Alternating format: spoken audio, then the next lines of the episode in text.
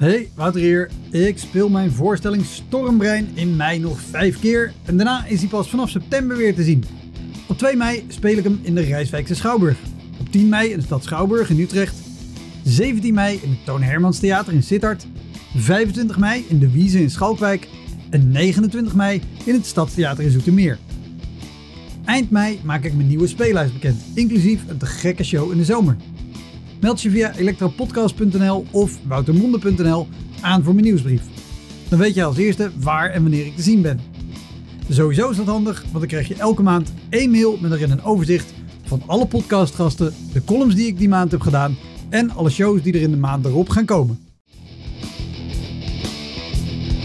Welkom, mijn naam is Wouter Monde en dit is de Elektra Podcast. Een podcast waarin ik met collega's herinneringen ophaal aan shows die ze liever waren vergeten. Genoemd naar het roemruchte jongerencentrum Elektra in Sliedrecht, dat ooit bekend stond als de comedy hell.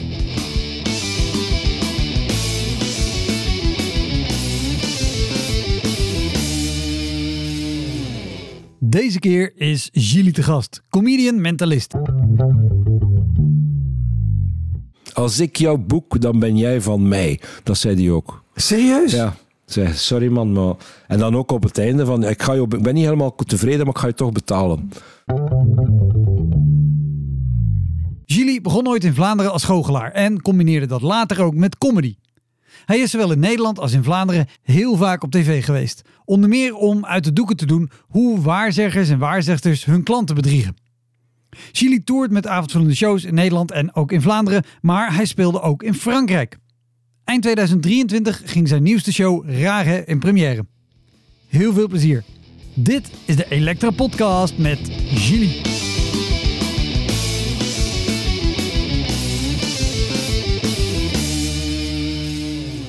Wat zijn jouw voornaamste verschillen die je hebt ervaren tussen theaters in Vlaanderen en met name de backstage en de ontvangst? Oké, ja. ja dat is En een- in Nederland. Is daar verschil tussen? ik denk het wel, ja. Ik denk dat ik nog niet de eerste ben die dit onderwerp eh, even uitleg. Nee, ik vind het in Nederland spelen vind ik heel leuk. De, gewoonlijk, de technici zijn hele leuke mensen. Eh, de ontvangst is goed. In die zin dat je welkom bent. Maar wat mij o- oeverloos ergert, is dat je eraan komt en dat je jouw drankjes moet betalen. Terwijl, ja, wij zijn daar niet om te feesten, wij zijn daar om te werken. En als, er, als we dorst hebben om gewoon iets te kunnen nemen, iets te drinken. Eh, ook de luxe van, zoals in de Vlaamse theaters, je krijgt overal te eten. Ja. Nu, dat is geen extraatje, dat is geen luxe, maar dat is gewoon ideaal, omdat je, je komt aan, of ik tenminste kom aan rond vijf uur in het theater, we doen de soundcheck, we eten samen iets en, en dan om acht uur start de show. Terwijl bij jullie, als alles geregeld is, dan zeggen de technici: ja, het is vijf uur, wij gaan naar huis. Tot, of wij nemen onze pauze tot, ik zeg maar iets, zeven uur. En als je iets wil eten, kijk, we hebben hier een mapje, je kan daar, daar, daar en daar iets eten. Maar dan komt iedere keer die spanning en die stress erbij van, ja, we moeten er wel op tijd komen, we moeten on- ons eten op tijd hebben en we moeten op tijd terug. in- En dat is echt allemaal stress die nergens voor nodig is als ze gewoon daar een bord zouden zetten. En dat hoeft niet veel te zijn, maar gewoon iets Ja, het, het klinkt heel simpel en logisch. ja, het is, het is ook heel simpel en logisch, denk ik. Maar het is dan, dan, als we het willen hebben over mentaliteitsverschillen, denk dat dat er één is. Jullie zijn hele lieve mensen, maar ik kan geen volk ontvangen. Moet ik zeggen, ik speelde gisteren in het theater in Rittem, waar we keurig van tevoren eten kregen door een van de vrijwilligers Super. gekookt. Hartstikke lekker. Ja. Dus het, het gebeurt ook wel Ja, eens. ja, ja. Maar, het, het, maar ik blijf me er ook over verbazen hoor. Zeker omdat ik ook van hier gewend ben hoe het kan zijn. Ja? En dat je ergens aankomt met een, met een koelkast vol bier. Dat je denkt, ja maar jongens, we moeten ook nog spelen. Ja. Wij gaan niet nu met z'n vieren al dit bier Ja, opdrinken en tuurlijk. dan ook nog spelen. Ja, ja, ja. Maar dat is toch een stuk hartelijker dan, nou er is een koelkast. Als je drinken mee hebt, dan kan je dat daarin leggen. Ja. Wij hebben het niet gedaan voor je. ja. En maar in de, in der tijd, en nu spreek ik echt al van, goh, dat was de jaren 4, 5, 96, was ik op tournee met de Nieuwe Snaar Ja. in Nederland. En, eh wat wil ik daar nu over zeggen? Sowieso even, eh, dat, dat geeft jou ook bedenktijd. Want de Nieuwe Snaar was vooral een muziekgroep. Ka- Ja, cabaretmuziek, ja, ja. Met sketches en muzikale humor. En, en hier val ik en mijn gebrekkige voorbereiding keihard door de mand. Was jij samen met de Nieuwe Snaar op tour of was jij onderdeel van de Nieuwe Snaar? Ik was onderdeel van de show van de Nieuwe Snaar. Dus ze hebben een show gemaakt, een revue heette die show. En dat was eigenlijk een soort best-of van hun eigen repertoire. Maar daarbij hadden ze dan drie zangeresjes erbij. Het trio Grande, drie a cappella zangeressen. Earl Oaken, uh, de onafvolbare komiek uit Londen. Die is geweldig. Ja, ja, ja. Die ja, is Hij komt binnenkort in Nederland. Ja, maar je moet, ja ik, ik vind hem echt... Uh, en eigenlijk, tijdens die tour heb ik geleerd wat spelen in theater is. Omdat wij speelden echt vijf keer per week, zes maanden aan een stuk overal vol. Dus, en, en daar dacht ik van, oké, dit wil ik, dit wil ik, ik wil hier... Even heel snel tussendoor, omdat ik dit altijd van hem onthouden heb. Wat zo'n grappig ding was. Uh, wie in Nederland vroeger de Comedy Factory keek, heeft Earl Oaken daar misschien een keer gezien. Een beetje morsige, dikke man. Enorm dikke bril. Op een gegeven moment speelt hij gewoon met zijn lippen, doet hij een trombone na en hij doet de slide van zijn trombone met zijn bril. Ja, ja, ja. Dat, ja, klopt. Net ja. zo iconisch als, als Put It In Your Zakje, maar dat is Earl Oaken. En wel, maar dan, ik heb hem dus elke avond aan het werk gezien en die show die was elke avond identiek. Dezelfde pauzes, dezelfde grappen en de zaal die zich bescheurt. en daar heb ik echt geleerd van, uh, in, in, in theater bijvoorbeeld moet je om de twee jaar een nieuwe show hebben.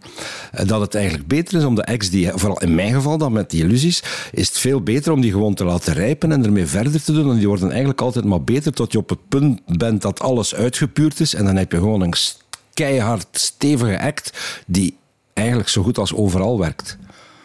En dat, ik vooral, dat heb ik vooral hem geleerd. Van gewoon de hele show moet je helemaal onder de knie hebben. En als er dan iets gebeurt, moet je tijd maken om dat even los te laten en erop in te gaan. Uh, ik zeg maar iets, een glas dat omvervalt of whatever. Uh, uh, en het los te laten. Maar de hoofdbrok blijft een show die eigenlijk ja, voor 90, 95 procent identiek is aan die van de dag ervoor en de dag erna. Ja. En, uh, en, vooral voor de dingen die ik doe, is dat ook heel erg belangrijk dat die echt helemaal onder de knie zijn. Dat je echt op andere dingen kan concentreren. Meer op de show, meer op hoe breng ik het en ook hoe kom ik aan mijn informatie. en, en, en wat je zegt, weet je, soms gebeurt er tussendoor iets, een glas dat valt, daar moet je even omheen werken. Nee, als gewoon van. Ja, nee, je, je, hebt dat ook waarschijnlijk. Dat is zo'n een, een, een, een archief met, met woordgrapjes. Voor als er dit gebeurt, dan zeg ik dit. Als dat gebeurt, dan zeg ik dat. En, en, en mensen denken: wauw, die schudt dat allemaal zomaar vlot uit de mouw. Nee, dat is allemaal voorbereid. Ja, ja, ja. ja. En wat, wat, wat zijn de dingen die jou bij zijn gebleven van alle jaren toeren? Waar je omheen hebt moeten werken? Want wat je zegt klopt. Tuurlijk heb je dingen die je vaker zegt. Mm -hmm. Sowieso zijn er standaardzinnen. Een glas dat valt de eerste optie is altijd, als je me wil raken, moet je harder gooien. A, harde lenzen. Nou, allemaal dat soort dingen die iedereen doet. En iedereen heeft daar zijn eigen variaties op. Maar soms heb je ook gewoon dingen dat je ook even niet iets standaards paraat hebt. Omdat je niet eerder zo'n situatie hebt gehad. En dan zijn er twee mogelijkheden. Ofwel zeg je daar een geniale grap. ofwel ja, is het helemaal niks. Maar als het een geniale grap is. En zo ontstaan de meeste grappen, denk ik. Door toevalligheden. En die onthoud je dan. Schaaf je eventueel wat bij. Of probeer je net te doen alsof die ene keer dat die grap gelukt is. En zo komen die grappen. Ik, ik, schrijf eigenlijk geen grappen. Bij mij ontstaat, waar ik me mee bezighoud, zijn mijn routines, mijn, mijn experimenten. Um, en de presentatie er rond, uh, die, die ontstaat eigenlijk vanzelf. Ik, maak, ik vertel geen grappen, uh, ik maak ook niemand belachelijk, maar er wordt wel veel gelachen met mm. en over dingen. Um, ja. Maar, maar, maar zijn, er, zijn er zaken, wat je zegt, er zijn twee opties. Uh, de, de optie geniale grap neem ik zonder meer van je aan dat die er vaak zijn. Maar dat vind ik de podcast niet zo interessant. Nee, nee, nee. maar, maar, maar weet, je, weet je gevallen dat je, dat je dacht, oké, okay, maar... En, en, en weet je, dit is ook wat er in je hoofd gebeurt... omdat je twee seconden later wel weet hoe je moet reageren. Maar dat je wel denkt, oké, okay, hoe ga ik dit in vredesnaam... Ja. rechtbreien of dingen die mensen... Af en toe zeggen mensen ook dingen dat je... Oké, okay, jij wint alle punten voor jou. Dit was gewoon een hele grappige opmerking uit de zaal. Ja, maar dat zijn momentopnames, denk ik. Die, die uh, ofwel komt die ofwel komt hij niet. En als hij komt, dan is, dan is het perfect. Ja. Want ben je, ben je makkelijk uit het veld te slaan op het podium? Niet meer, nee. nee. Ondertussen, noem eender welke venue. Ik heb er ooit wel eens gestaan met iets. Noem elk soort publiek. Ik heb het ook wel eens gedaan. Dus... Café Far West in Loenhout. Ja. ja. Serieus? Ja, met, ja, ja, daar heb ik gespeeld. Noem er nog eens eentje. Oh, nou, ik, ik, ik noem Café Far West is altijd mijn go-to plek uh, in dit soort gesprekken. Echt, ja? Omdat ik, uh, kan je, weet je nog hoe het eruit ziet? Uh, redelijk bruine kroeg, denk ik. Ja, bruine kroeg. En het podium was vlak voor een schouw. Goh, ja. Of een, een, open haard. En boven de schouw hing een enorm schilderij van een soort... Het leek een, een uh, Indiaanse vrouw. Mm Native American vrouw, zeg maar. Um, en elke comedian die daar binnen zou zijn gekomen zou denken... dat is een bijzonder schilderij. Want het is heel groot, heel opvallend. Seppe Toremans is daar ooit wezen spelen. En die begon dat schilderij nogal te kakken te zetten. Ja. En kwam er toen pijnlijk achter dat het een schilderij was... Uh, van de overleden moeder van de uitbater van Café Far Oké. en ik heb er zelf ooit gestaan met oh, uh, Jelle den Turk... Die heeft ja. één of twee jaar comedy gedaan. Mhm. Heel grappig, heel getalenteerd. En is inmiddels vooral op de muziek met uh, Pinkerton Police Patrol. Ingewikkelde naam. Uh, maar, maar bijzondere... Ja, ja, ja. Ik ben er ooit eens een paar keer zo. Er, zijn ook van die ontwijde kerken waar nu feesten in zijn. Vorige week zat ik trouwens nog in Rotterdam. Er is ook zo'n hele mooie grote kerken en, waar ik dan moest optreden. Mm en um, hier in Vlaanderen gebeurt dat ook nu en dan. En zo was er ooit eens uh, een optreden dat ik moest doen in uh, Ardooien, dat is bij Roeselare, ja. in een kerk. En wij hadden dus tijd om te soundchecken tot half zes, want om zes uur begon de Eucharistieviering. om zeven uur was die klaar en dan gingen de deuren open voor mijn show. Nu, voor die Eucharistieviering zat 20, 30 man zat er in die, in, die kerk. En toen, tegen dat ik moest beginnen, zat al echt eivol, 400 mensen of zo. En ze hadden dus het altaar weggenomen van uh, uh, vooraan en ze hadden daar een podium op gezet. En een van mijn eerste grappen is dat ik zeg van ja, ik heb wat uh, voorwerpen nodig om in het publiek te gooien, om op die manier vrijwilligers aan te duiden. En dan laat ik zo een, een uh, eerst een ballon en dan een bowlingbal uit een papieren zak knallen. En dan denk ik oké, okay, maar wat gaan we gooien? en dan rol ik die bowlingbal gewoon de coulissen in. Maar daar natuurlijk waren geen coulissen dat was een heel marmeren trap, een roze marmeren trap, met daarop dat podium. Dus ik rol die bal richting coulissen. En op het moment dat ik hem laat gaan, denk ik, hier zijn geen coulissen. Hij knalt een meter lager op die trap. Zo'n stuk, echt een stuk van meer dan een halve meter eruit. En ik had net ervoor de grap gemaakt van, ja, ik voel me een beetje in de rug gekeken, want achter mij hing dus een, een, wandtapijt van 5, 6 meter hoog, met Christus als een kruis. En ik had net ervoor gezegd van, ja, ik voel me een beetje in de rug gekeken en hij is ook niet echt gelukkig. Ik denk waarschijnlijk van, shit, die, die, die heeft meer volk dan ik had. En vlak nadat gebeurt dat, ja, als je dan zegt van, ja, God straft onmiddellijk en genadeloos, dat was hem. Oh, wauw. En dan een andere keer was ook in een kerk dat ik moest spelen. En achter mij was een groot glasraam, ook weer met Jezus aan het kruis. En ik begon met te zeggen, maar ja, er staat duidelijk in de technische fiche dat er geen publiek mag naast en achter het podium zitten. Dit lukt niet. En gewoon een stuk gaffa genomen en op, die, op dat raam zijn ogen afgeplakt. ja. Maar behalve kerken, ja, treinen... Maar, maar komt er dan niemand achteraf van zo'n kerk daar, daarover klagen? Bij, maar dit was, dit was eh, een, een, een, eigenlijk een heel klooster dat gekocht werd door een komiek. Oh, dat was bij Joost van Ifte. Bij Joost van Ifte, ja. Ja, ja, ja. Oké, ja. Dan snap maar, maar, die eerste kerk die je zei, die was gewoon nog in Ja, de organisator vond het bijzonder grappig. En dan hebben we, ja, dat heeft mij wat geld gekost, via de verzekering weliswaar. En dan een, een jaar later is heel die kerk afgebrand. Ik dacht, kon die niet een, een jaar vroeger wegfikken? Maar ja, waarschijnlijk is alles weggefikt, behalve de marmeren trap. Wie weet, ja, ja, ja, ja, ja, zoiets, ja. Sorry, maar je wilde vertellen, zo was je ook ergens... Nee, van, van soorten venues. Ik zeg het, van theaters naar zalen, naar, naar uh, huifkarren, vliegtuigen, treinen, tram, bus. Wat, wat is de, de raarste plek waar je ooit een show hebt gedaan? De meest bizarre... Oeh, ja, dat is wel een... Uh, uh, dat was in een, op een begrafenis. Ja. Ik weet niet of jullie Bobby Jan Schoepen kennen in Nederland. Dat was hier een wereldster. Ik, ik ken hem van naam, Bobby maar leg inderdaad even uit wie het is. Ja, dus hij was in de jaren 50 vooral de, de fluitende cowboy. Maar die, heeft, die was ook de eerste hier in Vlaanderen die met een eigen circus tent de Vlaanderen rondtrok om gewoon zijn eigen show te brengen. Later hebben ze zich dan gevestigd in Lichtaart met uh, Bobby Aanland, ah. een pretpark, waar hij dus ook elke dag bleef optreden en doen. En uh, op zijn begrafenis, zijn begrafenis was in een circus tent omdat hij dus echt uit het circus kwam. En dat was op de Kaaien in Antwerpen. En hij had dus de circusring. Daar stond de kist. En twee meter daarnaast stond ik dan Ik, ga, ik hoop zo dat je vertelt dat jij moest laten verdwijnen. Nee, nee, nee, maar dat was... Uh, je zit dus met een hele tent vol rouwende mensen. En dan moest ik, ik... Het was gewoon iets op een liedje van, van hem, wat ik deed. Een, een, een roos die dan uh, eerst geplooid werd, dan begon te zweven. En dan veranderde in rode confetti, liefde alom rond. Maar ik kwam van... Ik ging zeggen van het podium. Ik kwam uit die ring gestapt. Echt, ik beefde als een riet van de spanning. En dat ik al jaren niet meer had, omdat het echt zo bizar is. Je staat daar en twee meter naast jou ligt daar een lijk in een kist. En, en want had jij, had jij een persoonlijke band met hem of niet? Uh, meer met zijn zoon. Uh, zijn zoon heb ik leren kennen hier in Gent, uh, omdat hij ook bij SCEP zit, de sceptische organisatie. Uh, en een half jaar voor zijn, af, voor zijn overlijden eigenlijk, hadden we eigenlijk een tribute show gemaakt. Uh, eenmalig, met een hele hoop gasten. En eigenlijk bijna die hele show die is gewoon verplaatst geweest naar die circus tent. En hebben we die dan nog eens gedaan. Met het verschil dat het, hij het nu wel meemaakte, maar niet meer bewust, denk ik. Ja, oh, maar rare... Dat was heel, ja, als je wel, het meest vreemde was toch wel met stip uh, ja, de begrafenis van Bobby aan schoepen. ja. En, en, en, en buiten de begrafenis, want dat is ook gewoon qua sfeer een, een, een bijzondere plek om te spelen. Een circus tent.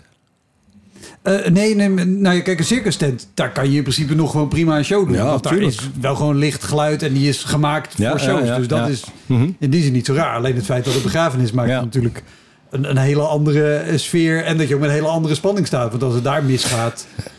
Het was heel vreemd, ja. Kan niet, ja. Elke andere show kan je weglopen en denken, nou ja, jammer. Volgende, keer, keer volgende keer weer, maar in dit geval niet, nee. In dit geval niet. Nee, nee. Maar, maar, als we het echt hebben over gewoon fysiek rare plekken. Zijn er dan die, die uitspringen? Goh, maar ja, er zijn er, zijn er veel of, van of mensen waar je die... terugdenkt en, en denkt, nou, dat, is, dat dat goed gegaan is, is, is een wonder. Dat het uiteindelijk allemaal goed kwam. We hebben ooit eens gespeeld, we kwamen aan in de zaal. Uh, dat was een zaal achter een café, een serieus grote zaal. Uh, maar dat deden ze ook schieten op de liggende wip. Dat is door een vorm van boogschieten. Je hebt de staande wip, dat is zo'n een, een paal van, ik weet niet, 10, 15 meter hoog met pluimpjes op. En die moeten ze dan er zien af te schieten. De liggende wip is, is hetzelfde, maar horizontaal. En dat deden ze in die zaal. De belichting, oh ja, we hebben belichting, we hebben spots. En dan gaat hij zo naar de muur, duwt daar op een schakelaar en dan zijn er vier enorme halogeens die gewoon van het plafond naar beneden. Waarvan dat er drie kapot waren. En toevallig dan weer natuurlijk niet een lamp die er dichtst bij het podium, maar de lamp het verst. Dus ik zie Alexander nog altijd staan op een toren van flightcases met een tafel en een stoel erop om die lamp er te kunnen uithalen en te, ver te versteken in die andere houder, waardoor we wel licht hadden. Ja, is er, is, er een, uh, is er een kleedkamer? Ja, kom maar mee. En daar gaat een deur open. Ik kruik al onmiddellijk muffe, vochtige geur.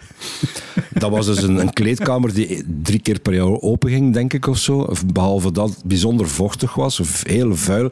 Dit is de kleedkamer waar ik zei, dit meen je toch niet? Je gaat toch hier niet... En dan was het, uh, het de ultieme opmerking die, die we in de tijd regelmatig hoorden. Ja, maar ja, Wouter de Pre die heeft hier gespeeld in die omstandigheden en bij hem ging het wel. Oh. En plots kwam Wouter de Pre overal zo gezegd, was hij er geweest? En dat, was zo, dat, dat werd een running gag. Zo van, ja, Wouter de Pre heeft er al mee gespeeld. Ja, ja, ja. Zo. maar ik vind ook altijd zo'n dooddoener. Zo, ja, maar die en die was hier en daar... Ze... Het is altijd een opmerking dat ik denk, ja, maar die heeft dit ook alleen maar gedaan... Ja omdat het blijkbaar niet anders Omdat was. we de ballen niet hebben om te zeggen op zo'n moment: jongens, wij zijn weg. Er is niks in orde, ik, ik ben weg. Ik heb dat nog nooit gedaan. We hebben het altijd al wel kunnen fixen. Uh, en dan uh, ben ik even de Norse arrogante aap die op zijn strepen staat. Maar fuck it. Allee, ze vragen ons om iets te doen. En je kan je werk niet doen. Omdat toch, wat, wat is het in dit vak? Want jij zegt het en heel veel mensen voor jou hebben het gezegd. En ik doe het zelf ook dat ondanks dat je af en toe op plekken komt waar je in je volste recht zou staan, niet in de laatste plaats, gewoon contractueel, mm -hmm. in je recht zou staan om te zeggen: mensen, dit gaat niet. Dit Ja. hebben we niet afgesproken. Heel jammer, maar dit gaan we niet doen. Ja. En toch zijn we allemaal zo stom om te zeggen: nou ja, maar als we misschien die lamp eruit halen en hierin draaien en we Ja. stellen het zo, dan kunnen we het misschien. Terwijl als je een kok zou zijn en je wordt ergens gebeld om te cateren en er er staat is- één campinggastje En je moet voor 120... ma- de- elke kok zegt, Ja. ja, nee, er zouden hier een keuken met dit... Dit kan niet. Jammer. Maar je moet er ook bij zijn denk ik, dat heel vaak, als, die, als er niks in orde is en dat je denkt, dit wordt een zootje, dit wordt niks, dan blijkt dat soms een van de topavonden te, te worden. Door het feit dat je gewoon alles loslaat van ja, het kan jullie niet schelen, oké, het kan mij ook niks meer schelen. En dan begin je te gaan. En ik heb toch al een paar keer meegemaakt dat, dat het eindigde in complete hilariteit. Omdat het- Absoluut, absoluut. Ook dat heb ik meegemaakt. En dat is waardoor een organisator dan het jaar erop tegen een volgende artiest zegt... Ja, maar vorig jaar was jullie ja, hier. exact. was ja. een topje. Ja, klopt. Ja. Maar ja, ik, ik blijf dat, dat, dat wonderbaarlijk vinden dat we toch het toch doen. En, en, en heb je, heb je eh, ehm, wat, wat, wat zijn shows geweest of plekken waar je, waar je aan bent gekomen en dat ondanks dat je dit weet en weet het kan hartstikke leuk worden, maar dat je aankomt en dat je denkt, maar hoe dan? Hoe gaan we het hier in vredesnaam klaar moeten spelen dat dit Ja, dat gebeurt, wordt? maar ik heb stil en meer en meer de reflex om te, om te zeggen van kijk, als jullie het niet zien zitten om te zorgen dat ik mijn werk goed kan doen, ja, dan is het voor mij ook niet meer zo belangrijk. Enfin, Het is maar een show.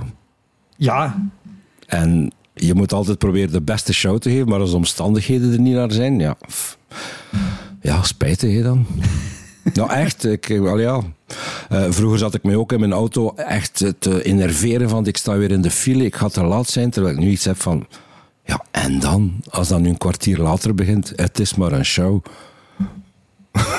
ja, ja, heel goed uitgangspunt denk ik.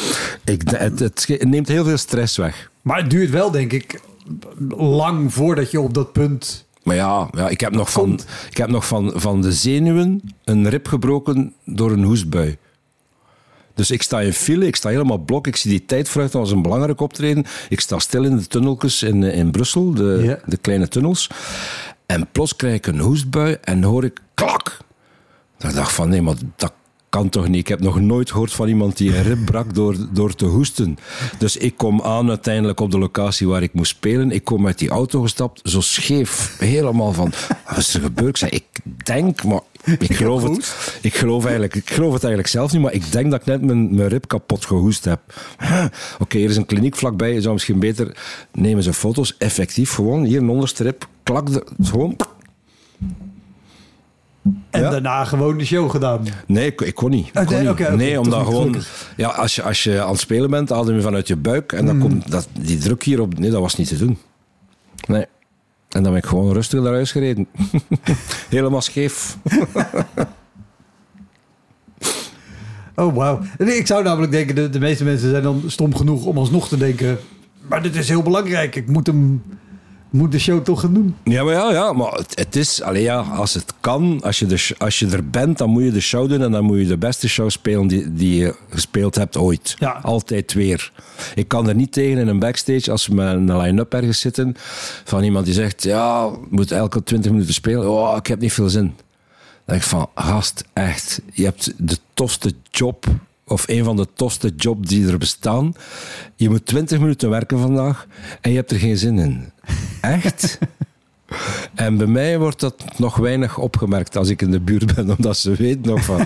Sorry, maar ik kan, nee, ik kan er echt niet mee om. We, hebben- we zitten in een luxe positie. We kunnen lang slapen, we moeten wel s'avonds laat eruit zijn, maar zwart, het is een keuze en, en we amuseren ons erin. En, en, en eh, die ontspanning om, om gewoon rustig ergens heen te rijden... en te denken, nou ja, dan ben ik een kwartier later. Of dus zelfs te denken, het is maar een show. Is dat ook juist door gewoon jarenlang te toeren... en ook in omstandigheden te spelen waarvan je denkt... nou ja, het is niet optimaal, maar dan We maken er het beste van. we maken het beste Ja. van. Ja, ik denk dat. Ja, van, ja ik, ik kon me daar heel erg kwaad in maken in die toestanden vroeger. Maar nu heb ik echt dat gevoel van, ja, als het voor jullie niet belangrijk is, voor mij dan ook iets minder zeker. Ja, Dan doe ik nog altijd mijn show natuurlijk. En, en het gebeurt, en dat hebben jullie, dat heeft iedereen denk ik, dat je echt van jezelf vindt. Ik heb hier echt de grootste kutshow gespeeld die ik ooit gedaan heb. Maar dat publiek dan achteraf, je komt overladen met superlatieven van hoe mooi en fantastisch dat ze het wel vinden. dat is zo'n heel... In, in, bijvoorbeeld in West-Vlaanderen is dat, de, de provincie waar ik vandaan kom, eh, is dat echt heel eh, eh, heel erg aanwezig. Je, zit, je staat te spelen, er komt weinig of geen reactie. En op het einde springen ze recht van een stoel, staande ovatie. Oh, fantastisch mooi. Dan dacht ik van ja, als je het allemaal zo mooi en fantastisch vond, laat dan het iets merken. merken als we bezig zijn. Maar, en als je dat niet weet, is dat heel van shit, man, het werkt niet. En terwijl mensen zich zitten kapot te amuseren, zij het inwendig. In West-Vlaanderen is dan ook nog van, kijk hem niet in de ogen, maar je zou, hij zou je wel eens een vraag kunnen stellen. Of hij zou je wel eens iets vragen om te doen, in mijn geval dan, om mij te assisteren. Dus die Dat kijken dan... ja.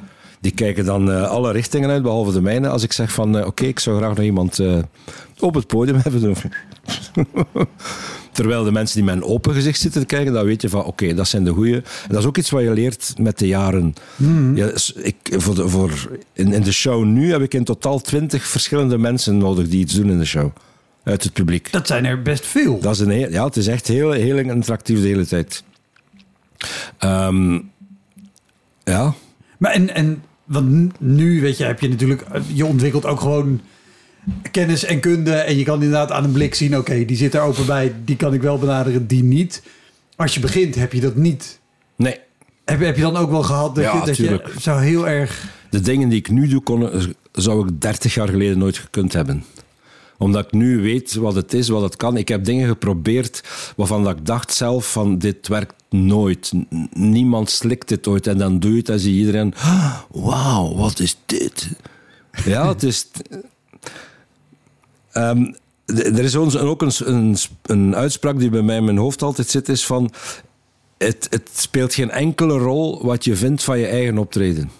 Het publiek, zij moeten het goed vinden. En wat jij ervan vond, speelt uiteindelijk nou, voor jezelf wel, maar naar buiten toe geen enkele rol.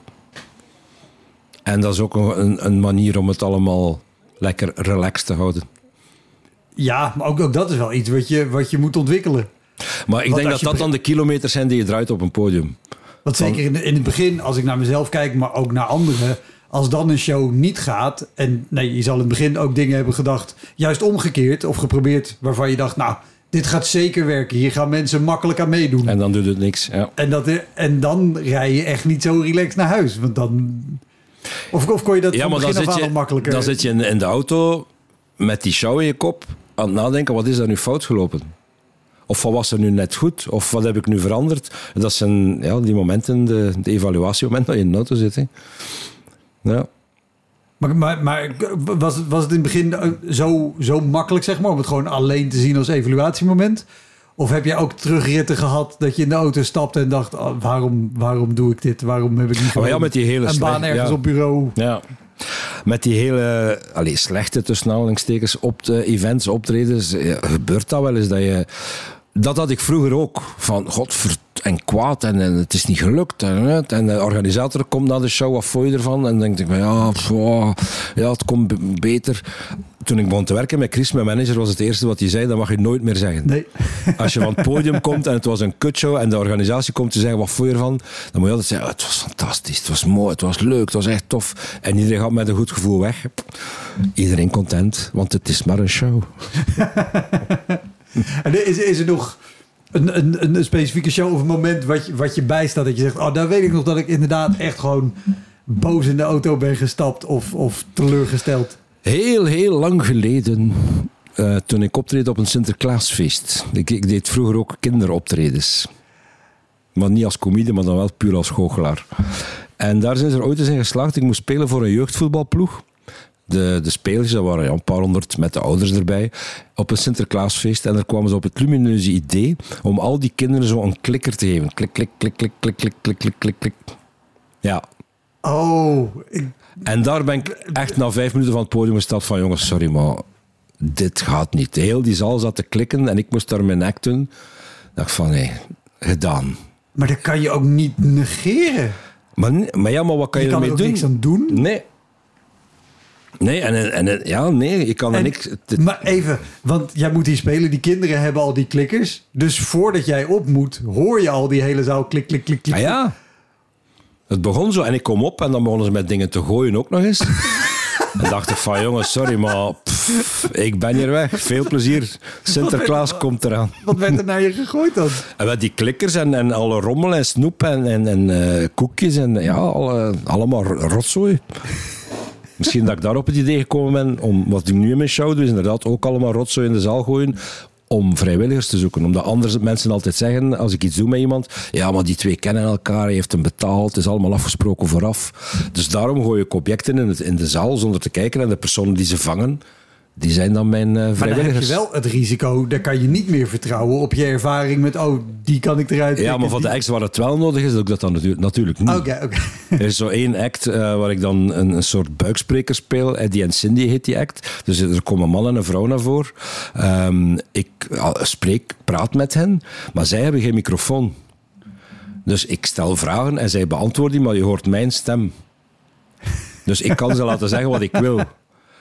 Maar daar is het heel belangrijk als ik Eddie, want Eddie die spreekt zo met een zware stem, dat ik iemand neem die ja, redelijk groot is en liefst Dat best wel zwaar gebouwd. Ja. En bij de dames moet dat iemand zijn die ja, frivol. ah, En laten we zeggen, 99 van de 100 keer heb ik dat de juiste persoon over. Maar soms heb je iemand die bij jou komt staan en die. Ja, er zijn mensen die heel vreemd beginnen doen als er een camera op staat of als er een hele zaal volk naar hun staat te kijken. En dat kan je niet inschatten. Eh, allee, je kan zoveel, zo goed mogelijk, maar het is geen 100% surefire. Nee, maar, Ja. maar, maar dat, dat lijkt me zo tricky aan zo'n element in je show. En ja, nou, jouw show zit natuurlijk vol met dat soort elementen. Ja. Wat, wat doe je die, die 99 keer gaat het goed? Wat doe je die honderdste keer als er wel iemand in een lollige bui is en denkt: Oh, maar nu ga ik even de show stelen. Ja, overle ja, daar heb ik ook natuurlijk een grap, een standaard grap over. Als iemand heel vreemd begint, dan zeg ik, ja, maar als, als je zelf ook wil grappig zijn op een podium, maak zelf een show. Maar nu zijn we met mijn show bezig. En gewoonlijk lukt dat en kunnen we doordoen. Want de meeste mensen doen dat niet om de, om de act te verkakken, maar, maar omdat ze willen meehelpen aan de humor. In, terwijl dat ze gewoon de hele timing naar de kloten helpen. Ja, want dat vind ik sowieso het, het bizarre aan. eh, ik, ik, ik ken de verhalen vooral vanuit het goochelen. Er zijn inmiddels twee Nederlandse goochelaars. Die hebben een variant van deze podcast gemaakt. Maar die, die zijn zelf professioneel goochelaars. Spreken Rob- dus ook Rob en alleen... Eh, nee. Eh, eh, Tim Horsting en Janse Heijn. Nu weet ik het gelukkig wel uit mijn hoofd. Maar die spreken dus juist met goochelaars over wat er allemaal misgaat Oh, in shows. dat is ook een podcast. Ja, Ja, die ga ik eens opzoeken. Doodkonijn heet die. Hartstikke leuk. Doodkonijn. Eh, maar ik heb me daar zo over verbaasd over wat daar allemaal ook weer mis kan gaan. Maar dus ook dat wat ik me nooit had gerealiseerd. Zij doen ook veel aan tafel goochelen. En dat je dus aan een tafel komt en dat er altijd wel de lollige oom bij zit. Die gaat. Die zo, oh, maar ik zie het al. Hij zit, hij zit gewoon in je mouw. Hij zit in je mouw. Of eh, eh, volgens mij zelfs Hans Kazan die vertelde dat hij, en toen was hij toch echt al gewoon bekend ergens dan weer aankomt. En dat mensen gewoon een pak bier over, of een, een, een- een glas bier over een pak kaarten gooien. Ja, En denk je, ja, eh, dit vind ik nu geinig om te doen. Ja, omdat je uiteindelijk, als er zo'n asshole aan, ta- aan die tafel zit, heb je de andere mensen die hem niet blijven grappig vinden en die ook doorhebben van, man, hou je bek en laat die, die man hier zijn werk doen. Ehm, nee, ik- dat lukt allemaal wel. Je mag natuurlijk niet iemand keihard rechtstreeks aanvallen, maar gewoon zorgen dat de rest met hem begint te lachen. Ja. Maar dat is ook zo met hecklers. Als, als je iemand hebt in de zaal, die, die, als je de hele zaal tegen die ene persoon kan keren, wat probleem, opgelost. Ja, ja, ja. wat, wat, wat, is, wat is de grootste eh, asshole waar jij mee hebt moeten zien te dealen? Hoi, Wouter hier. Luister je vaker Elektra? Dan is het een goed idee om crewmember te worden. Je doneert dan automatisch elke maand een klein bedrag. En in ruil daarvoor krijg je extra afleveringen, consumptiebonnen om in te wisselen als je eens live bij mij komt kijken. En je krijgt een unieke link waarmee je voortaan de podcast luistert zonder dat ik halverwege onderbreek om te vragen of je crewmember wil worden. Zoals nu. Dus, word crewmember. Dat kan al vanaf 1 euro per maand. In de omschrijving van deze aflevering vind je een linkje voor meer informatie. Oké, snel weer terug. De grootste asshole. Of, of misschien niet eens de grootste, maar eentje die je, Maar die, als, die je als verrassende, eh, verrassende keuze eh, was... Ik doe op een bepaald moment iets met ehm, telepathie. En dan moet iemand een tekening maken. Eender wat. Simpele tekening die gewoon onmiddellijk te herkennen is. En die, dat was de, directeur, de baas van het bedrijf, een groot bedrijf. En dan begin ik eh, al zijn gedachten te ontvangen, beginnen na te tekenen. En die man eh, dacht aan een hakenkruis. Dus ik weet op een bepaald moment, normaal doe ik zo van, kijk, ik heb het na, is tweemaal hetzelfde en dan doe ik dit, dan toon ik het alle, allebei samen. In dit geval heb ik eh, ehm, gewoon gezegd van, kijk, ik, is dat jouw teken? Ja, het is, het is juist, het is juist. Ik zeg, ik toon ze maar eens. En hij staat dus in foto met twee, ik hoorde direct onmiddellijk mensen met de telefoon, klik, klik, klik, de, de grote baas, met twee uh, hakenkruisen in zijn hand. Ja, dat gebeurt dus ook. ja. En hoe, hoe, hoe reageer je? moet ook gewoon verder. Ik bedoel... Uh, de zaal, je, hebt, je, je kent de uitbundige lach, de schaterlach, en je kent ook de gegeneerde lach. Was meer zoiets, ja. Dacht ik ook van, kalf, je bent verdorie allee, bedrijfsleider van een groot bedrijf en dan doe je dit. Allee, ja. Mm. en dat is lang voor woke nog. En, en het, het bizarre vind ik ook nog, jij geeft hem ook nog een, een uitweg, zeg maar, met de is dit het? Daar kan hij nog kiezen om te zeggen: nee, dat is absoluut niet. Ja, maar ja, nee, want hij, heeft het ook op zijn bord staan. Hij heeft het zelf getekend op zijn bord. Oh, oké, okay, sorry. Ik, ik wist niet dat hij zo werkte. Oh, maar dan is het helemaal stom. Ja, dat vond ik ook wel, ja. dat van. Uh, Misschien heeft hij, ja, je hoort dat vaak, dat bedrijfsleiders psychopaten zijn. Misschien is zoiets, heeft hij ook uh, zijn uh, beperkingen. En er zijn nog altijd bedrijven actief die groot zijn geworden dankzij hun diensten in de oorlog. Dus dat had ook nog gekund. Wie weet, ja. Maar, oh wauw. Ja. Maar dat, de, de, hoe, wat gebeurt er bij jou? Want je bent dat aan het natekenen. Je ziet op een gegeven moment ook al duidelijk wat het gaat worden. Wat het gaat worden, ja. ja. Heb, denk je dan, nou ja, ik ga hem wel afmaken? Of denk, denk ik ga hem afmaken, ja. Ja, ja. Je, zou, je zou ook nog kunnen denken, nou ja, ik, ik offer deze, dit segment op en ik maak er gewoon een venster van met een kruis in het midden. Nee, nee, nee, nee, nee, nee, nee. Als, als, hij, als hij beslist om die weg in te slaan, dan moet hij er de gevolgen ook nog van dragen. maar dan van asshole, in, in het, ik heb ook lange tijd, denk tien jaar close-up optredens gedaan, tot ik het kotsbeu was en uiteindelijk op podium en met comedy begonnen ben. En daar gebeurt het wel nu en dan. Je komt daar telkens aan. Niemand kent jou aan die tafel. En zegt van, ik ben uh, en uh, ik ben hier vanavond om jullie wat rare dingen te tonen. Mag ik? En soms, meestal zeggen mensen, ja, doe maar. En soms ze, ja, nee, fuck, nee, hebben we niet nodig, nee. Dan ging ik gewoon naar de tafel er vlak naast staan. En daar gaf ik dan een show dat ze begonnen te roepen en te tieren. Zelfs iemand op de, op de gewoon uitlokken dat er heel uit... En dan zie je diezelfde gast van... Van ja, sorry, maar eerst... Uh, en dan... ik doe eerst die andere. En oei, oeps, er is geen tijd meer. Sorry, kans, kans verkeken. Lijkt me een heel lekker gevoel als je dat kan doen met Het zal wel zijn, ja. ja, ja. uh, waar ik opeens aan moest denken. Uh, wij spraken elkaar jaren geleden ergens een keer in, in Eeklo... bij een comedycafé wat daar altijd was, in, in de Herbakker. En ik herinner me dat jij toen vertelde... dat je uh, toen ook veel aan het spelen was in Parijs. Ja, klopt. Want je zei van ja, vanuit Gent ben ik eigenlijk net zo snel in, in Parijs als dat ik in, in Amsterdam, in Amsterdam ben. Ja, klopt. Uh, ik neem aan dat je daar gewoon in het Frans speelde. Ja, ja, ja. dat is wel handig. Ja. Dat, dat spreken ze daar nogal veel.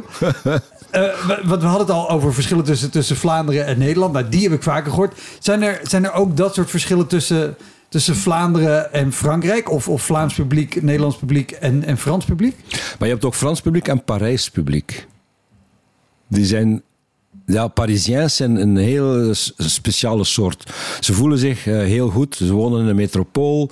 Uh, en de rest, uh, ja, die Belgen, dat zijn wij dan, de kleine Belgiërs, die komen dan ook eens langs. Dat vinden ze allemaal heel sympathiek. En vooral het feit dat je een, een serieuze inspanning doet om Frans te spreken en de show in Frans te doen, wordt echt heel... maar de show begint gewoonlijk met van, ja, begin maar zo, met de armen gekruist, afwachtend van, laat maar. Maar in mijn geval is dat, is dat eigenlijk... Tot zover klinkt het als Nederlands publiek, maar... Ja, ja. Het is, het is gelijkaardig, denk ik, ja. Uh, maar als je ze dan inderdaad binnen de vijf minuten, die cruciale vijf minuten, sommigen zeggen vijftien seconden, maar die eerste vijf minuten zijn zo belangrijk om mensen de kans te geven om je even te leren kennen en dan ja, vlieg je erin. En natuurlijk de hele, we gingen, uh, ik heb daar drie maanden gespeeld, elke, elke week één avond.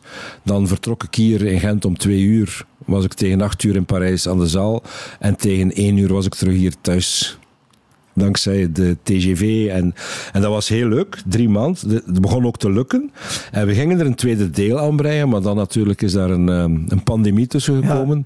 En is alles uh, ja, verwaterd en, en eigenlijk afgelopen. Dus ik zou het nog eens opnieuw kunnen proberen, maar ik ga het niet doen, omdat het gewoon veel te veel geld gekost heeft. De bedoeling was om, om uh, inderdaad daar een vaste voet aan de grond te krijgen, maar... Pff. En de, de, een van de opmerkingen was, ja, maar ja, dan moet je gewoon naar Parijs komen wonen. En daar heb ik echt geen zin in. ik zit hier zo goed. I'm too old for that shit. Nee, ik heb, nee, daarmee dat we de pijlen weer een beetje op Nederland gaan richten, vind ik een stuk comfortabeler ook. Want ik spreek wel Frans, maar het is lastig de hele tijd Frans moeten spreken. Nou ja, sowieso, waar we het ook in het begin over hadden. Weet je, met, met iets loopt net even anders. Daar moet je omheen werken om weer gewoon in het ritme van je show te komen. Ja. Ik heb zelf in het verleden ook wel shows in het Engels gedaan. En ik spreek toch volgens mij echt best wel behoorlijk Engels. Maar het is niet mijn eerste taal. Ik moet toch Mhm. altijd Ja, net, ja, ja, ja. net een, een halve tel langer nadenken. Of dat je net iets wil zeggen en net het juiste woord. Ja, ja. Ja, en dat is hetzelfde als, als ik... eh, ik ben West-Vlaming en in West-Vlaanderen hebben ze nogal uitgesproken dialect. Als ik daar speel, speel ik altijd in dialect.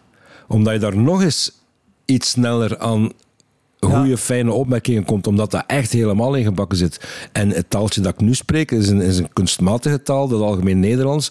Eh, dat spreek ik uit mezelf nooit, behalve als, mensen, als het nodig is dat mensen mij verstaan. maar anders zet, kom ergens overal ter wereld en eh, twee West-Vlamingen die komen elkaar tegen. Binnen de vijf seconden wordt dat West-Vlaams gesproken. En alle andere mensen rond die staan er naar te kijken en zijn van... Die begrijpen elkaar of zo, of wat? Die geluiden.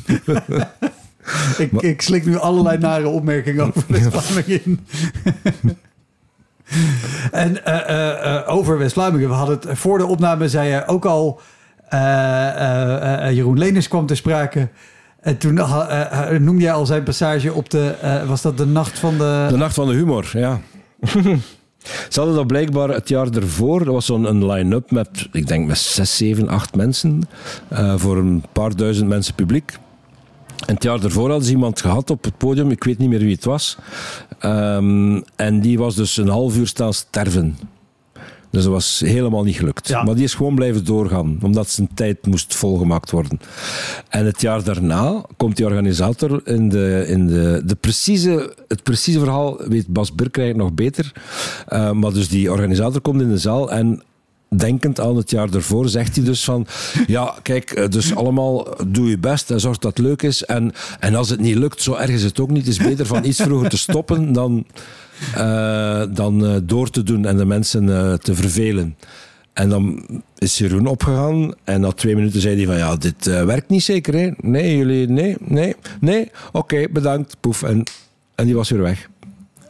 Yep. ja, het, is- het is, vertel- ik, ik ken dit verhaal, Jeroen heeft het zelf ook verteld. Ja. Maar ik blijf het zo, de aflevering van Jeroen heet ook, waar is Jeroen? Jeroen is naar huis. Ja. ja. Maar ik blijf dat zo'n goed verhaal vinden. Wat, heb, heb jij daar zelf ook gespeeld? Ja, verschillende keren. En ook één keer dat er een andere, eh Gunther Lamotte was ooit eens MC. Ja. Eh, Kan, nu- kan, je, kan je eh, heel kort omschrijven wat voor type comedian Gunther is? Dat is heel moeilijk. Dat is eh, Monty, nee, Monty Python in het kwadraat zou ik niet zeggen. Het, is echt absurd van de potgerukte humor. Ja. Ik kan er heel goed mee lachen. maar hij, hij, hij verkent ook heel graag de grenzen van de humor. En zo is hij erin geslaagd op die nacht van de humor om de hele tent, want dat was toen nog in een grote tent, om de hele tent in gezicht te krijgen. Terwijl hij eigenlijk de hele avond nog moest presenteren. en op een bepaald moment zegt hij, kijk jongens, eh, pff, ik heb het gehad. Mijn trein, de laatste trein naar Gent is binnen 10 minuten. Ik ben hier weg. En die vertrok. Terwijl die show nog bezig was en hij dus moest MC. en eh, ik sta in de backstage en een, een, een maat van mij, gewoon een cafémaat, staat naast mij. En die organisatie zei, wat gaan we nu doen? Wat gaan we doen? Maar ik zei, ja, maar hij kan dat goed. Bij wijze van grap wijs ik dus naar die vriend. Nee. En die zeggen, ja, serieus? Eh, En hij, ja, geen probleem. Die springt op het podium. en heeft gewoon de rest van de show afgewerkt. En met dwaze grappen totaal niet voorbereid. Waarop dat de organisatie dan de fout maakte van... Oh, dat was goed. Volgend jaar mag je de hele avond presenteren. Oh. En dan is hij begonnen met ja, allemaal stukjes voor te bereiden. En de eerste grap weet ik nog wel. Er was eens een Duitser, een Fransman. En dacht van, oh fuck. Oh, en dat nee. was een minder succes. Want het, het is, maar dat, dat zie je ook heel vaak bij, bij mensen. De allereerste keer dat ze spelen gaat het heel goed. Ja, ja, ja. ja. Dan Toeval, daarna? Ja. heel lang heel slecht. Want Ja. dan ben je bewust van wat je aan het doen bent. En, en, en, en wat je, waar, je, waar je lach verwacht. En dan duurt het de hele tijd voordat Ja, je ja, goed ja. Weet je überhaupt nog jouw, jouw eerste keer wat je zei al, vroeger was je vooral goochelaar. Op een gegeven moment heb je de overstap gemaakt naar Mhm. comedy. Wat, wat was het, het moment dat je, de, dat je de overstap maakte? Of dat je, is, is er is een, ik stel allemaal vragen tegelijk. Is er, is er een bewust moment geweest dat je dacht, nu ga ik veel meer de comedy kant op of Ja. veel meer de comedy in mijn, in mijn show brengen? Ja, dus zoals gezegd, in de jaren eh, negentig eigenlijk vooral, was ik echt per week vier, vijf keer gaan optreden van tafel tot tafel. En na tien jaar was ik dat zo beu om altijd weer datzelfde te moeten doen, dat ik dacht van het comedycircuit starten in, in Vlaanderen. Wij hadden op dat moment een café, De eh, wat dat we- En daar hebben we dan ook onmiddellijk een comedyclub ingezet. Eh, Georganiseerd, die nog altijd bestaat nu. Eh, en daar heb ik ook mijn, dacht ik van oké, ik ben dat beu, ik ga me op- op het podium smijten, ik ga comedy doen op het podium met mijn trucs. En de eerste, eh, eerste keer dat ik dan stand-up deed, was hier in Gent in de Charlatan, Ja. waar ik afging als een gieter.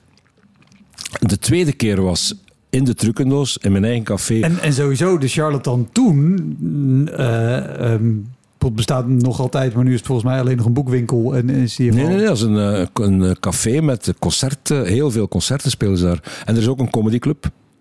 Ja, oh, ja, sorry. Ik haal dingen in de war, want ze zijn van locatie gewisseld. De Lunatics zijn veranderd van locatie en zijn in de, Char in de Charlatan terechtgekomen. Ja. Ja. En nu, ben, nu weet ik waar ik in de war ben. Ik ben in de, bal, in de, in de war, met de bal, war met de bal infernal. Ah, ja, ja, ja, ja, ja, ja, je verward, ja. ja. Bal en Vanal was het eigenlijk de hele eerste. Ja, Ja. want dat, en, en daarom wilde ik er nog even heen. De rare setting die je daar had. Ja, dat ja. iedereen op de grond zat terwijl jij aan het spelen was. Ja, klopt. Ja, en ook, het zat vol met, met studenten, eerste, tweede jaar. Dus allemaal ja, echt jonge mensen die nog niks gezien hadden. En daarom ging ook iedere comedian daar zo graag spelen. Omdat de, eigenlijk van iedereen lukte dat daar allemaal heel goed. Omdat ze niks kenden en, en het was allemaal goed. Ik heb nooit zo bedacht dat dat de magie was van die plek. Want het was een hele leuke plek. Ja, ja maar het was heel leuk om te spelen. Want ik weet ook nog... Dus de, en de tweede keer dat, ik- dat ik dan eh, Ja, onderbrak. stand-up deed, was dus in mijn eigen zaal, op mijn eigen podium. En toen klonk het eindapplaus als volgt. Zo van, we gaan toch een paar keer in onze handen klappen. Het is tenslotte de eigenaar van de zaak. Echt, dat was gênant. En dan ja, van wat doe ik er nu mee? Ga ik door of, of geef ik het op? Maar ik dacht, nee, fuck, ik geef het niet op. We gaan door. En zo nog een aantal keer op mijn bek gegaan. Onder andere ook op Humo's Comedy Cup. Eh, het eerste jaar had ik echt mega gescoord. De eerste keer dat ik meedeed. Ehm, maar toen was Nigel William de verdiende winnaar. Stand, echte stand-up. Ik, Ja. doe- ik deed trucs en grappen. Dan dacht ik, oké, door de trucs eh, is het niet gelukt. Dan doe ik het zonder trucs. En dat was nog erger. Toen stond ik op het podium en zag ik echt de helft van de zaal letterlijk links wandelen richting de bar. Van, het is nu tijd om iets te drinken. Echt, dat was... En dit was tijdens een een voorronde dan denk Nee, ik. dat was de finale. De finale zelfs. Vroeger was er, waren er geen voorrondes. Hoe, er is niemand die goed weet hoe ze eigenlijk die selectie maakten vroeger. Je moest cassettes opsturen of videobanden. En dan werden daar vijf mensen uitgekozen en die speelden gelijk de finale. Maar bijvoorbeeld Gunther Lamotte, die heeft jaren zijn kandidatuur ingediend, werd nooit weer gehouden. Die mocht niet eens meedoen. Terwijl die gewoon tien keer beter was dan ik. Maar die mocht niet meedoen. En dan plots mocht hij wel meedoen, is onmiddellijk ook gewonnen. En in een latere fase zijn ze dan met een he- hele traject begonnen van, ehm, van eerst voorrondes, dan die, die cursussen, bij- workshops met Bas en zo verder. En nu is dat ja, een heel tv-programma als je, als je staat te spelen in de finale van, van een comedywedstrijd waar je heen gaat en denkt, oké, nu, nu gaat het en ik wil niet meer terug naar tafel goochelen. Ja. Dus dit, dit wordt het. Ja. En je ziet, je ziet de helft wegwandelen. Maar ik wist ook op dat moment hoe dat kwam. Ik kwam van het podium en ik kom een vriend tegen die mij al twintig jaar kent. Die kijkt me in mijn ogen en schudt met zijn hoofd zo met van... What the fuck was dat? En ik had mij laten overhalen door mijn toenmalige regisseur om eens iets nieuws te proberen. Voilà. Op een finale. Ja, dus de cruciale fout tot en met... Waarom? Ik dacht van, we gaan dat eens proberen. En dat is dus niet goed gelukt. hè. En da- daar ben ik wel heel benieuwd. Wat, wat was het nieuwe wat je, wat je ging proberen? Geen trucs, gewoon grappen. Oké, oké. da- da- ja. Maar die waren allemaal om te slecht. dus ja, dat was weet, niet. weet, je, weet je nog een grap die je gemaakt hebt? Eh, maar het is echt heel slecht. hè. Ja, ja. Het, het- het disclaimer. Dit is niet wat er in Gilles nieuwe show zit. Dit is heel oud. Ja, oké. Eh, een man zegt tegen... ze- eh, nee, een vrouw vraagt aan haar man, is er iets op tv? En hij antwoordt, ja, een laag stof. Inderdaad. En dat was echt... Voor mij een bruiswater. Schandalig, ja. Voor mensen die nu naar de bar lopen. Dat was schandalig slecht. Jongens, toch.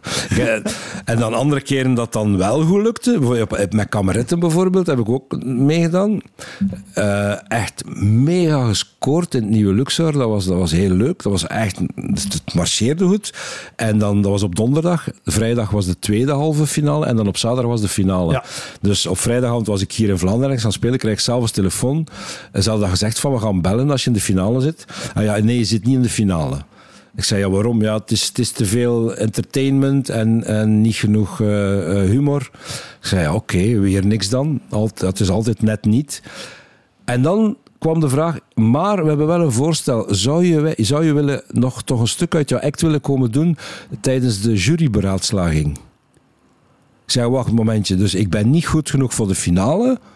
Maar ik ben wel plots genoeg, goed genoeg om dan toch nog eens op te treden eh, op die finale avond. Ja, ja, omdat het zo grappig is. Ja, dan had je mij maar moeten doorlaten. Wat is dat nou voor... Ja, echt. En, en wie was de oorspronkelijke gastact die af heeft gezegd? Ik vond niks te nadelen van jou, maar normaal is die ook al lang geboekt. Dat is een rare situatie dat ze dan een halve finalist Misschien hadden ze iets over het hoofd gezien, ik weet het niet. Ja. Ik vond, Maar- allee, in elk geval vond ik het ongehoord, het Ja? lef. Van, allee, dus ik mocht nog eens gratis naar Rotterdam eh, rijden en daar nog eens gratis mijn show gaan doen. Dacht van, nee jongens, sorry, eh, als ik niet goed genoeg ben voor de finale, Nee, dan blijf ik thuis. Wat bizar. Ja, maar ik zat altijd tussen die twee stoelen. En bij de illusionisten, ja, er zit niet genoeg, eh, er zit niet genoeg trucs in. En bij de comedians, ja, het is geen comedy. Ik zit, daar, ik zit er altijd tussen. Ik heb ooit nog door een organisator, werd ik op de vingers getikt.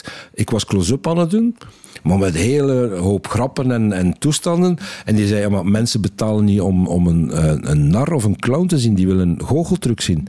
Ik zei, maar ja, gast, je ziet toch dat iedereen mee is? Ja, nee, nee, nee, er moet meer magie in jouw act. ja.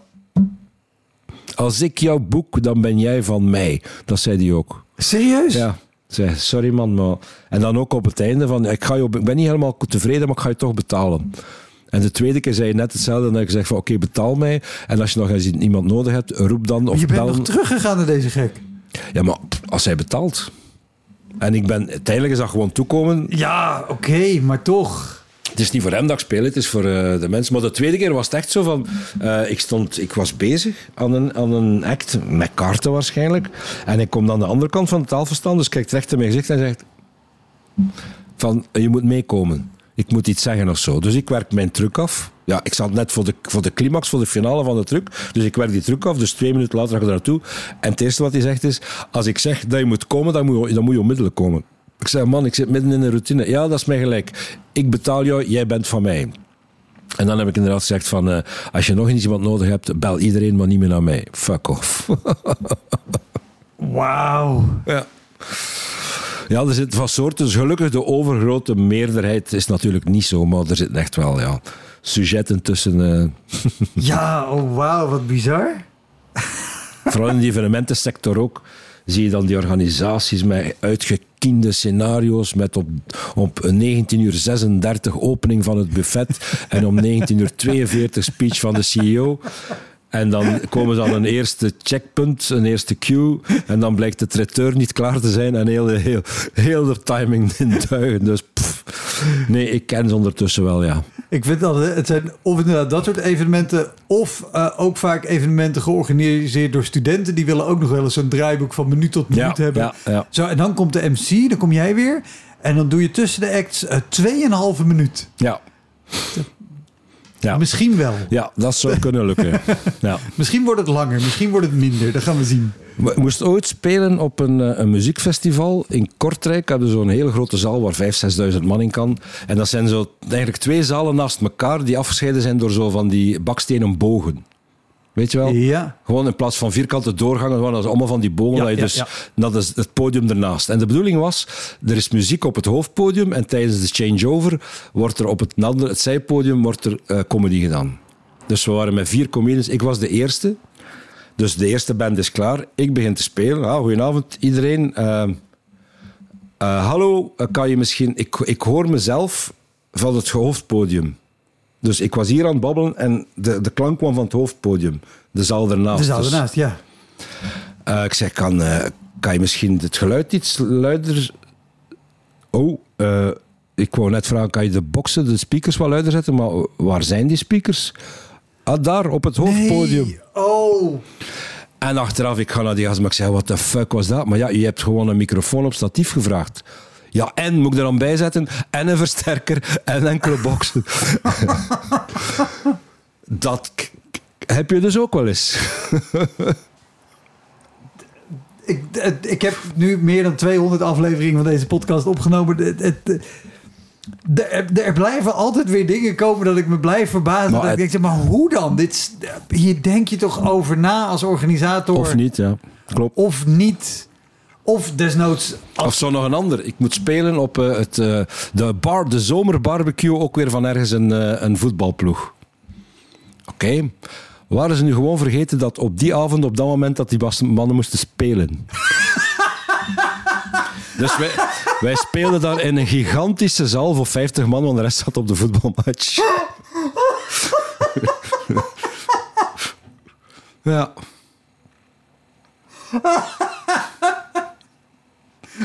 Wanneer kwam het besef bij de organisatie dat dit aan de hand Maar was? onmiddellijk toen we eraan kwamen, zeiden ze: Ja, we hebben een praktisch probleempje. Ik zei: Nee, dat meen je niet. En wat ga je dan doen? Ja, gewoon spelen voor de mensen die niet naar het voetbal gaan. Maar ja, iedereen die daar was, Ja. waren sympathisanten van die voetbalploeg. Dus ja, zij gespeeld voor 40 man of zo. Eh, triestig. ja. Oh, wauw. Wat goed. Top. Dankjewel. Oh, zijn we er al? Oké. Ja, tenminste, ik, ik, ik doe altijd een einde zodat ik hem of daar kan snijden. Ja, Maar ja, oké. Daarna zeg ik ook altijd, tenzij er nog verhalen zijn waarvan je zegt, oh, maar daar hebben we nog niet eens over gehad. Of dit verhaal moet ik nog vertellen. We- Het gaat vooral over pech en, en, en eh, omstandigheden, shit, shit omstandigheden. Pech, omstandigheden, alles in de... Alles wat daaronder valt. Want het, het, het is niet alleen maar dat het misgaat, maar... Je hebt eh, om de drie jaar, denk ik, een wereldcongres voor de goochelkunst. De eerste keer dat ik daar naartoe ging was in 88 in, in Den Haag. Ehm, en op een bepaald jaar is het in Lissabon, in Portugal. En ik moest... ehm, nee, er zijn gala-shows. En er is zo één, één act in die gala-show. Dus dat een shows met om de 10 minuten iemand anders. Eh, die man komt op, eh, een, een 50er, een 60er met pikzwart haar. Dus mooi gekleurd. Helemaal, bon. Staat er wat te dansen. eh, laat een kaart nemen, trekken door iemand. Iemand mag een kaart kiezen, moet er zijn handtekening op zetten. Die kaart gaat in het kaartspel, alles wordt geschud. Het doek gaat open. En daar staat een aquarium van ongeveer anderhalve meter, anderhalve meter op twee meter hoog, vol water. En de bedoeling was, ze binden hem vast met handboeien aan een betonblok. Hij moest ondersteboven in die aquarium duiken, ontsnappen voor hij verzoop en ook nog eens de juiste kaart terugvinden. We weten nog altijd niet wat daar precies gebeurd is, maar die man is dus helemaal ehm, met de handboeien aan, die betonblok, gaat een trapje omhoog, gaat dus op de rand van die, aan het aquarium staan en springt met zijn hoofd voorin in die aquarium. Waarschijnlijk door de slag van het water en zijn lichaam in dat water. Of die betonblok is tegen de, de wand geslagen. Maar in elk geval, het voorste paneel, gericht naar de zaal, barst in honderd stukken. Dus wat wij zien is... Wow! Oh, fuck. Dus je zag gewoon die voorplaat, hup, heel, al dat water, duizenden liters Ja, water ja. in één golf de zaal in. Dus alle vips die vooraan zaten, dames recht van de kapper, eh, allemaal zeik, zeiknat. En dan die uh, goochelaar, die, die zwiebelde er ook nog ergens tussen. Maar echt. Ja, en dan, de presentator kwam dan op en zei... Okay, we have to interrupt the show for a couple of moments to clean the stage, but we can tell you all the magician asked me to tell you that he actually found the card. Ik wilde net zeggen, had hij de goede kaart? ja, dat was het. Oh, wat grappig. Dat was hem, de Elektra Podcast. Meer informatie over mijn gast van vandaag en linkjes naar van alles en nog wat vind je in de omschrijving van deze aflevering. Er staan ongelooflijk veel afleveringen online van Elektra. En op elektrapodcast.nl kan je makkelijk zoeken op de naam van jouw favoriete comedians en cabaretiers. Je kan daar ook eenmalig doneren of crewmember worden.